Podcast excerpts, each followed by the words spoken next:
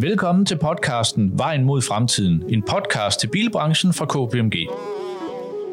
Her kan du høre om bilafgifter, lovgivning og den grønne omstilling i bilbranchen netop nu. Mit navn er Rune Grøndal, jeg er partner og ansvarlig for KPMG Automotive i Danmark, og er din vært sammen med min kollega Jakob Skæris, Senior Automotive Manager i KPMG Akortax.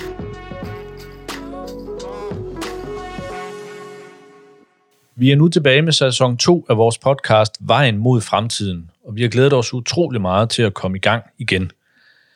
Tak til alle jer, der har lyttet med i sæson 1, og også tak for jeres feedback, som I meget gerne må fortsætte med. Husk, det er heller ikke for sent at lytte til episoderne fra sæson 1. De ligger tilgængelige på vores Automotive Univers, samt der, hvor du ellers hører din podcast. Dagens overordnede emne, det er infrastruktur til ladning af elektriske biler – og de bliver mere og mere udbredt. Og øh, på under et år, jamen der har bestanden af elektriske biler fordoblet sig til nu omkring 70.000 biler. Og det er næsten ligeligt fordelt mellem plug-in, hybrider og elbiler. Vi forudser rent faktisk, at plug-in hybriderne de kommer til at overstige elbilerne, i hvert fald for en kortere periode. Det øh, vil Jakob øh, Skæris nok også komme lidt mere ind på senere. I dag der skal vi også øh, kigge nærmere på kommunernes rolle for at understøtte den her grønne omstilling af de grønne biler, der kommer. Men inden, Jakob, øh, kan du så ikke lige som vores faste ekspert her på podcasten fortælle os mellem forskellen for destinationsladning og hurtigladning? Jo, det kan jeg. Destinationsladning, det øh, er jo typisk øh, vekselstrømsladning med 11 kW. Det kan også godt være langsommere og lidt hurtigere et eller andet sted mellem 3,6 og op til 22 kW. Øhm, og det kommer lidt til destinationen, det er der, hvor man kører hen til. Det kan være ens bopæl, det kan være der, hvor man arbejder, det kan øh, jo også være der, hvor man parkerer, altså steder, man parkerer i længere tid, øh, hoteller øh, eller andre steder. Øhm, hurtig ladning, det er så ladning med jævnstrømsladere. Det er så typisk fra 50 øh, kW og opad. Og kommer de på den anden side af 100 kW, så taler vi om lynladning. Og der er en markant prisforskel i de her øh, ladestandere. Det her destinationsladning er ikke særlig dyrt at etablere. Øh, hvis det er hjemme i husstanden, så kan man som regel holde det inden for den strøm, der kommer til huset, og så koster sådan en ladestander omkring øh, en 10.000 kroner, hvis det ikke øh, kræver ekstra installation. Hvis man til gengæld øh, øh, som energioperatør skal etablere sådan en lynlader, så skal man ud og købe en masse strøm øh, udefra. Man skal have lagt kabler og stillet op, øh, og det koster sådan i rundtal en million. Og det betyder også, at øh, det vi kigger ind i, det er, at øh, destinationsladning, øh, det, det er det, vi de fleste kommer til at lade deres elektriske biler med, øh, både plug-in og elbiler. Og det er forholdsvis billigt øh, og få strøm der, men at der sandsynligvis, der er i dag et, et tillæg for, for lynladning eller for hurtig ladning, og det tillæg, det vil, det vil der sandsynligvis også være i fremtiden. Der vil simpelthen være lidt dyrere at lade, når man, når man mm. er i det offentlige rum. Mm. Øh, og det er jo sådan, når vi taler det offentlige rum, så er det jo cirka to tredjedel af danskerne, der har adgang til egen matrikel. De kan, sætte, de kan simpelthen sætte en laststand op på deres egen matrikel. 20 øh, procent bor i boligforeninger, og 12 øh, procent øh, parkerer deres bil på gaden. Så det er jo en af de udfordringer, som især kommuner i de større byer, Aarhus og København, Aalborg og Odense kigger ind i, at der har de nogle, nogle, en, en opgave, der skal løses. Ja, de er simpelthen nødt til at få lavet en, en, en strukturplan. Ja, Mm. Det er, altså, hvor man i en lejlighed og gerne vil have en, en, en elbil, man parkerer på gaden, så skal man også lade den, øh, øh, kunne lade den et eller andet sted. Og, og, og det bedste for, for elbiler er faktisk den her destinationsladning, fordi det belaster ikke batteriet lige så meget at lade langsomt, som det gør at lade hurtigt. Faktisk så lader øh, når et batteri hurtigt lader, så når det kommer til, til på den anden side 50% så begynder det at lade langsomt, og det begynder at lade rigtig langsomt, når det rammer omkring 80% og det belaster altså batteriet noget mere. Så destinationsladning kommer vi til at se mest af i fremtiden. Og derfor har vi inviteret Morten Nikolajsen i øh, studiet, og Morten han er ansat ved Aarhus Kommune som programleder for grøn mobilitet, og blandt andet øh, ansvarlig for at etablere den her øh, velfungerende ladeinfrastruktur, der gerne skulle komme her i Aarhus. Og han kan fortælle lidt mere om planerne for den her infrastruktur. Så velkommen til dig, Morten. Når vi sådan øh, skal zoome lidt ind på, øh, på, på Aarhus, øh, og det er jo sådan det, der er udgangspunktet i dag, men det kunne sådan være en hvilken som helst anden sådan større kommune. Så lige nu så ligger der en bestand af elektriske biler på cirka 1500, og det er sådan fordelt på post, øh, postnummerne 8000 til, til, til 8270. Øh, og det er sådan cirka jævnt fordelt på elektriske og så også plug-in hybrid. Og så kommer der jo en masse pendlere, og, øhm, og her indledningsvis, inden vi gik i gang, der har vi talt en del om, at Aarhus Kommune jo er en stor indpendlingskommune. Øh, så der er også noget i regnskabet, der skal, der skal regnes med der. Men hvad forventer I sådan fra kommunens side øh, til antallet af, af de her elektriske biler frem mod 2030? Altså hvis vi holder os til i første omgang i hvert fald det, der er indregistreret i Aarhus Kommune, ja. det er det, vi har bedst data for. Altså der har vi jo siddet og regnet lidt på, hvad vi forventer i, i 2030, ud fra blandt andet Ældrekommissionens fremskrivninger. Og, altså det er jo nogle, med nogle store skøn, men, men vi vil nok forvente cirka 25.000 biler, hvis der ikke foretages noget yderligere forsering lokalt. Øh, og hvis man så sammenligner det med øh, den øh, klimahandlingsplan, der lige nu er øh, på vej til behandling i byrådet, der mm. forventer vi nok, at vi får indfri de målbilleder, man har sat i Aarhus Kommune på klimaområdet, skal ramme 40.000 i 2030. Mm. Og, altså lavemissionsbiler. Ja. Øhm, så man kan sige, at der er i hvert fald behov for en, en, en yderligere indsats lokalt for at forsere det her, hvis det skal lykkes. Ja. Og Jakob, hvordan, altså, hvordan hænger det sådan sammen med, med de tendenser, vi ser øh, sådan på de her større byer og, og, og, og drivlinjerne, fordi noget er jo at være en lavemissionsbil, og noget er så at være en, man kan sige, en bil, der også kan, kan suge elektrisk, man kan mm. sige, øh, drivlinjer op, altså øh, som, som brændstof, hvis man kan sige det sådan. Og så skal vi tale om den her infrastruktur og det behov, der kommer der. Men 40.000 lavemissionsbiler i Aarhus Kommune. Mm det er øh, ikke helt ved siden af i forhold til, til de forventninger, vi har. Mm. Altså, vi tror, øh, når vi ser på Aarhus, så er det vores vurdering, at de 25.000, det vil være til den lave side. Øh, så 40.000 er nok et, et mere realistisk skøn. Mm. Helt generelt, øh, så den udvikling i markedet, vi ser lige nu, det er, at øh, plug-in hybridbilerne, de rykker. Mm. Der bliver solgt rigtig mange biler, mm. og det skyldes, øh, at der simpelthen er et større udbud. Så det er det, er det folk øh, de kan få, øh, og det er også nemmere som øh, bruger en fossilbil at forholde sig til en plug-in hybrid, fordi der er man ikke begrænset af, af en ladeinfrastruktur. Og så kommer elbilerne, de kommer nok, de rykker nok især fra næste år, hvor udbuddet begynder at stige. Men lige nu, der, lige de her dage, der overhaler plug-in hybriderne faktisk elbilerne. Men det er så lige et, et øjebliksbillede, som vil udjævne sig lidt senere. I 2030 vil det nok stadigvæk være jævnt fordelt. Mm. Men, men lige her nu ser vi mange pluginer. Det stiller jo det helt store krav i forhold til os, altså fra kommunens øh, side, og, og specielt borgerne, kan man sige, øh, deres forventning i at understøtte den her infrastruktur, øh, der skal være for, hvis man køber en, en, en elektrisk bil. Og til at starte med, Jakob, du har kigget lidt ind på øh, Holland, som jo også er, er, er langt fremme, ikke? Og hvis man tager nogle af deres øh, byplaner, jamen hvad er det så, øh, de, de har lagt ind øh, som, som, et, øh, som et krav, en, en, en almindelig borger kan, kan stille til en lignende kommune, øh, hvis man har anskaffet sig en elektrisk bil? Holland er, er foran på en række områder. For det første så er antallet af biler øh, noget højere, altså elektriske biler, noget højere i Holland, end det mm. er i Danmark.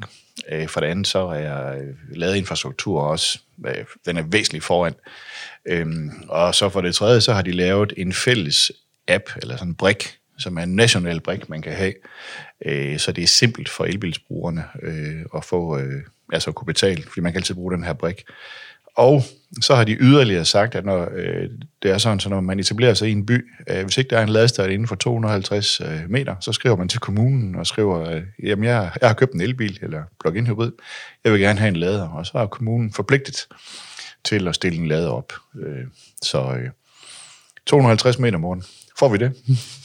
Jamen, det gør vi nok på et tidspunkt. Jeg synes jo, det er jo rigtig interessant, øh, det der sker i Holland, uden at ville øh, kloge mig på at være helt nede i detaljen. Altså, der er også mange andre områder på transport end lige på, på elbiler, hvor, hvor vi ser, at Holland er ekstremt langt foran fordi der er en anden mentalitet, virker det til, landspolitisk, at man simpelthen vil ind og styre den udvikling, landet har, uanset om det er cykler, eller det er kollektiv trafik, eller det er omstilling til grønne drivmidler. Og, mm. og det synes jeg også, det lyder som om, på det du refererer, er tilfældet på det her område, at man har simpelthen taget styringen øh, fra national plan mm. på det her område, og man har også stillet nogle værktøjer til rådighed for kommunerne, for eksempel, som vi ikke har i dag. Øh, hvis man som borger skriver til Aarhus Kommune, det er man meget velkommen til, hvis man synes, man har behov for noget opladning, og det gør folk jo også jævnligt.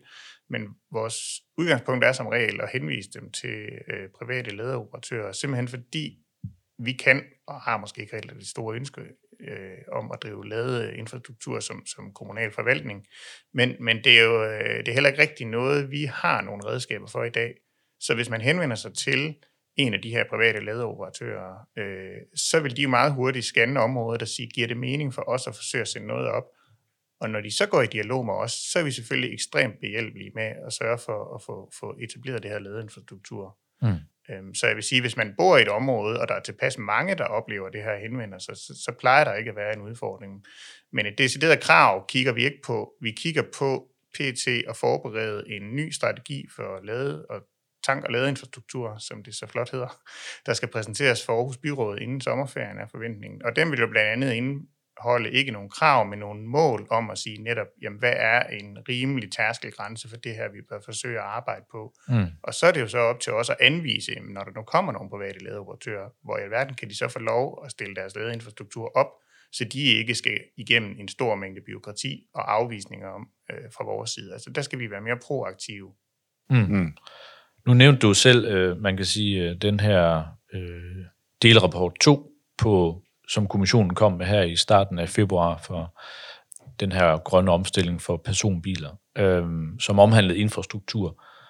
Og der taler, man kan sige, øh, Eldrup-kommissionen også lidt omkring øh, den her begrænsning, der kan ligge for kommunerne øh, i øh, kommunalfuldmagten og går ind og egentlig, og, ja, jeg vil sige, nærmest kaster en bold op og siger, okay, det kunne godt give mening at, at kigge ind i nogle, øh, i nogle redskaber, som man kan give kommunerne.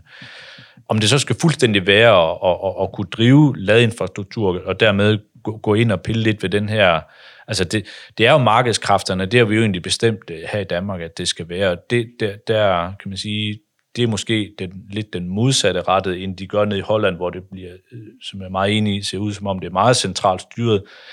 Det bliver det nok ikke her i Danmark, men man kunne godt give nogle, give nogle redskaber, blandt andet på udbudssiden. Altså det, der, der, der kunne det måske give mening, eller hvad tænker du i forhold til kommunalfuldmagten? Kunne det ikke give mening måske at, at få lidt flere redskaber til at, øh, at styre det en lille smule? Så, sådan at det hænger, hænger sammen i forhold til den overordnede plan, der er i kommunen. Helt bestemt. Mm. Altså jeg vil sige, der er to primære årsager til, at, at vi også rigtig gerne så, at vi fik nogle andre øh, muligheder for at lave noget udbud.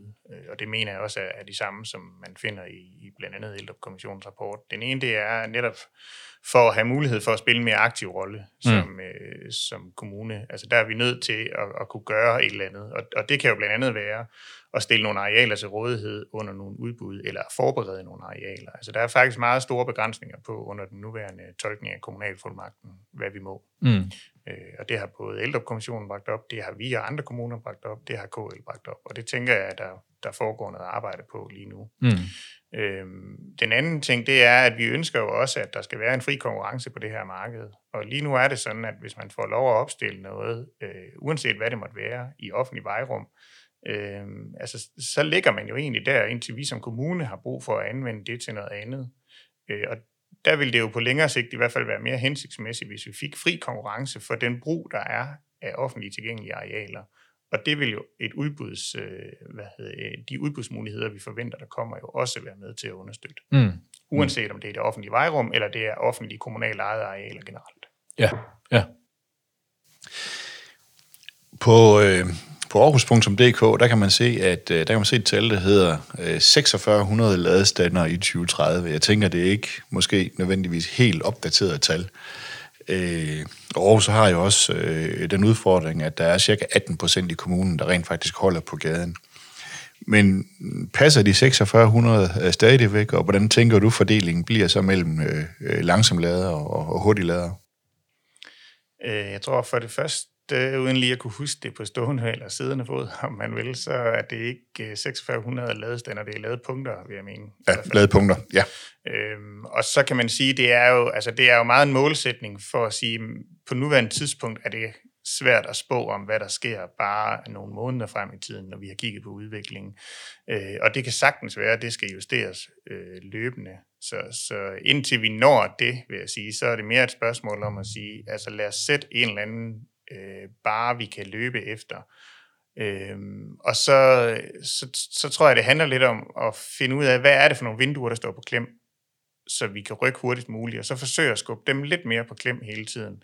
Øhm, og, og det er vi jo løbende i dialog med, øh, hvad hedder det, øh, med folk som jer om, med elbilejere, om med særligt ladeoperatørerne, og ikke mindst det politiske niveau, om, om, om hvad kan vi gøre på det her øh, område. Så jeg synes ikke, øh, jeg vil ikke sige, at det er tilstrækkeligt, jeg vil heller ikke sige, at det er hverken for, eller, for meget eller for lidt. Jeg vil sige, at det er den nuværende målsætning, og den kommer til at blive justeret øh, givetvis mange gange. Mm. mm. Og det her med, med, med langsom lader øh, kontra hurtig lader, hvad, hvad tænker du der? Jeg tror, der er, altså, det, det tror jeg er svært at sige noget om, fordi igen, så handler det måske mere om at sige, hvad, hvad kan lade sig gøre på et eller andet givet øh, et tidspunkt og en eller anden given lokalitet. Jeg synes, øh, vi ser allerede i forhold til, hvad der skete for et år siden, der har vi øh, for det første fået de første lynladere i Aarhus Kommune. Mm. Øh, det var der ikke tidligere. Mm. Vi ser øh, flere dagligvarerbutikker, mm tankstationer, altså eksisterende muligheder for enten øh, optankning eller, øh, hvad hedder det, det vi kalder convenience mm. opladning i forbindelse ja. med ærner. Ikke? Jo. Altså de begynder nu at snakke om enten hurtigladere eller lynladere, uden at vi egentlig har gjort ret meget andet end, end måske at prikke lidt til nogle parter og bringe dem sammen om bordet. Og, mm. og, og, og det tror jeg, altså det, det gør det rigtig svært for os, øh, både at sige noget om, hvad er den forventede udvikling på det her, fordi det er så markedsdrevet, Øh, og, og, og jeg tror også, at det vil være nødvendigt at afvente og se, jamen, hvad, hvad er det mulige kunst i det her? Fordi det er rigtigt, der er øh, cirka 19 procent øh, af oceanerne, der ikke har adgang til parkering, og dermed heller ikke at etablere ladeinfrastruktur på deres egen grund. Øh, og på kort sigt ville det være rigtig øh, bekvemt, hvis man kunne lave noget øh, kantstensopladning for dem, det kan vi nogle steder. Det kommer også i takt med, at markedet udvikler sig. Men der er rigtig mange steder, særligt inden de centrale dele af Aarhus, hvor det ikke bliver muligt. Mm. Og der vil vi være nødt til at læne os op af de her andre muligheder øh, på sigt. Så det bliver jo interessant, hvor hurtigt de ruller ud, og dermed, hvor meget vi har brug for i overgangsfasen, når man vil. Mm. Mm. Nu er det jo, når man driver en kommune, så kan man sige, så er der en masse, der benytter kommunen og bor i kommunen, og nu taler du selv om det her med kantstens øh, opladning. Hvilke redskaber har I for, at man kan sige, de her øh, ejere eller brugere af elektriske biler, der gerne vil holde på sådan en, man kan sige, øh, en, en øh, parkeringsplads, hvor der så er en lader, øh, at de ikke får en dårlig oplevelse ved, at den er blokeret af andre, eller måske også blokeret af nogen, der egentlig reelt set ikke bruger opladningen længere. Hvad, hvilke redskaber har I der? Jamen, vi har jo alle de uh, redskaber, kan man sige, der ligger i, i bekendtgørelse om, om vejmarkering. og det mm. er jo muligheden for at regulere, øh, hvem der må parkere der, hvor længe, hvornår, under hvilke betingelser. Mm. Øhm, og det har hidtil været sådan, at øh, der har været en reserveret, øh, hvad hedder et reserveret ladepunkt, kan man sige, ved per 4 eller 6. Nu glipper tallene lidt for mig, øh, mm. hvad hedder det, ladepunkter øh, som så har været, været reserveret til elbiler. Øh, og det er lige blevet hævet, det tal, og det gør det jo løbende i takt med, at vi siger, jamen indtil der opstår et reelt problem, så er det også en stor gene for de eksisterende bilejere. Og, og det er sådan en politisk balancegang, mm. kan man sige. Øhm, og på et eller andet tidspunkt bliver det jo en til en, øh, at, ja. at pladserne er reserveret, og så ladepunkterne dermed også er reserveret. Mm. Så kommer næste problem så, at en, i takt med, at der kommer flere og flere elbiler, mm, så vil de jo også være blokeret af folk, der, der ikke står og lader i højere grad. Øh, og det er derfor, vi blandt andet PT har indført en tidsbegrænsning på tre timer øh, for, øh, for de, lade, eller de parkeringspladser, der er ved et ladepunkt, for at sikre, at der er en eller anden rimelig udskiftning. Er man så beboer i området og har en beboerlicens, så er der selvfølgelig nogle udvidede rammer for, hvor, hvor længe man kan parkere på de her mm. lokaliteter. Mm. Men jeg vil sige, det er meget en balancegang, fordi der er så sparsom plads inde i, øh, i de her områder af byen, hvor det er nødvendigt at levere den her type infrastruktur, at, at øh, vi vil gerne undgå at rulle det for hurtigt ud, fordi så, så, så ender vi også med bare at fortrænge øh, nogle parkeringsmuligheder, som der også er brug for. De her tre timer, det er vel i dagstimerne. Hvilket tidsrum øh, er det, gælder de tre timer? Kan du huske det? Øh, 8 til 17 vil jeg sige, lige på stående fod, mm. uden at okay. du må holde mig op på det. Mm. Okay. Jeg har også læst for nylig, at de faktisk, øh, os der kører elektriske biler, vi kan slippe billigt omkring og parkering i Aarhus øh, lige om lidt. Er det ikke... Øh, det var i hvert fald en overskrift, jeg lige læste i avisen her den anden dag. Kan du uddybe det lidt? Jeg mener, det var i øh, efteråret 2020, at øh, der var en forligskreds, der besluttede, at det skulle være gratis at parkere øh, de første fire timer, hvis man kommer med, mm. med øh, elbil til mm. Aarhus. Og, øh, og det er ikke endelig vedtaget i byrådet nu, men det forventer vi, at, at det bliver på et eller andet tidspunkt, og hvad tidsrammen lige bliver, det kan jo også være, at det bliver justeret. Mm. Øh, men, men som udgangspunkt er det tiltænkt, at det skal være gratis for elbiler at parkere i fire timer i en fireårig periode i første omgang. Mm. Og det... med forventet implementering i efteråret 2021. Okay. Ja. Så passer det nok med, at til den tid, så er butikkerne åbne, og kulturlivet er åbent igen, ikke? Så, kan vi, så kan vi komme ind og så øh, hygge os i fire timer. Ja. mm. Jakob, hvis du lige skal summere op, ja. hvad er de tre vigtigste ting, som lytterne de skal tage med fra den her drøftelse, vi nu har haft? Øhm, jeg hører jo, jo Morten sige, at man øh, øh, følger udviklingen tæt mm. øh, på området, øh, og at man sigter efter de langsigtede planer, der er, men at det kan blive justeret simpelthen, fordi markedet øh, flytter sig øh, nogle gange stærkere, end, end, end man lige forventer. Øh, men at, at Aarhus har øje på, på den langsigtede øh, plan om at få etableret en masse ladeinfrastruktur. Mm. Øhm, og så har jeg noteret mig, det, det her med, med, med ladning i, i, for dem, der ikke har parkering, de der 18-19 procent, det, det, det er altså ikke bare lige, det er en problemstilling, som, som jo man kommer til at arbejde med, hvordan man kan løse bedst muligt øh, igennem øh, kombinationen øh, af forskellige ladere. Mm. Øhm, og så hører jeg, at, at, og det glæder mig, at der bliver gjort rigtig meget allerede, og det er både fra, fra, fra, øh, ja, fra tankstationer og fra øh, butikscentre og øh, indkøbscentre, at der allerede sker en hel masse ting, og at kommunen øh, er med til at presse på og facilitere den her udvikling. Det synes jeg, det er rigtig godt at høre, så, så det glæder mig. Især fordi jeg kommer til at køre fuld elektrisk lige om lidt. Så, så ja. ja.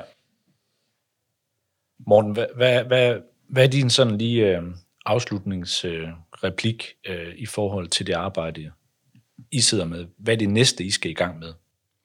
Jamen, vi skal have lavet nogle rammebetingelser. Altså, det er jo øh, ikke for at sige, at vi frelægger os ansvar, men man kan sige, at der, der kommer til at være rigtig meget af det her, der er op til det private marked, og mm. det er jo også anbefalingerne, vi får, hver gang vi henvender os til, til eksperter. Så, så vi vil rigtig gerne lave nogle rammebetingelser, der gør, at vi får stillet de rigtige muligheder op for alle de parter, der skal engagere sig i det her, med henblik på, øh, som Jakob netop har ridset op, de langsigtede planer. Altså, det er ikke fordi, vi ikke skal gøre noget på kort sigt for at forsere dem. Vi vil bare gerne undgå at implementere nogle ting, vi ved, vi sandsynligvis er nødt til at tage ud igen. Mm. Altså, det er egentlig vores primære regulative øh, rolle lige nu. Og så selvfølgelig, som jeg sagde tidligere, være så proaktiv som muligt. Altså det skal jo ikke være et spørgsmål om, når man kommer og vil opstille noget ladeinfrastruktur, så får man at vide, nej, den, det forslag, du havde der, det duer ikke. Det forslag, du havde der, duer ikke. Øh, det kan godt være, at de ikke gør det, men så skal vi jo være mere proaktive i at sige, men hvis du placerer dig her, her eller her, så møder du ikke de restriktioner. Det vil vi helt klart anbefale. Ja.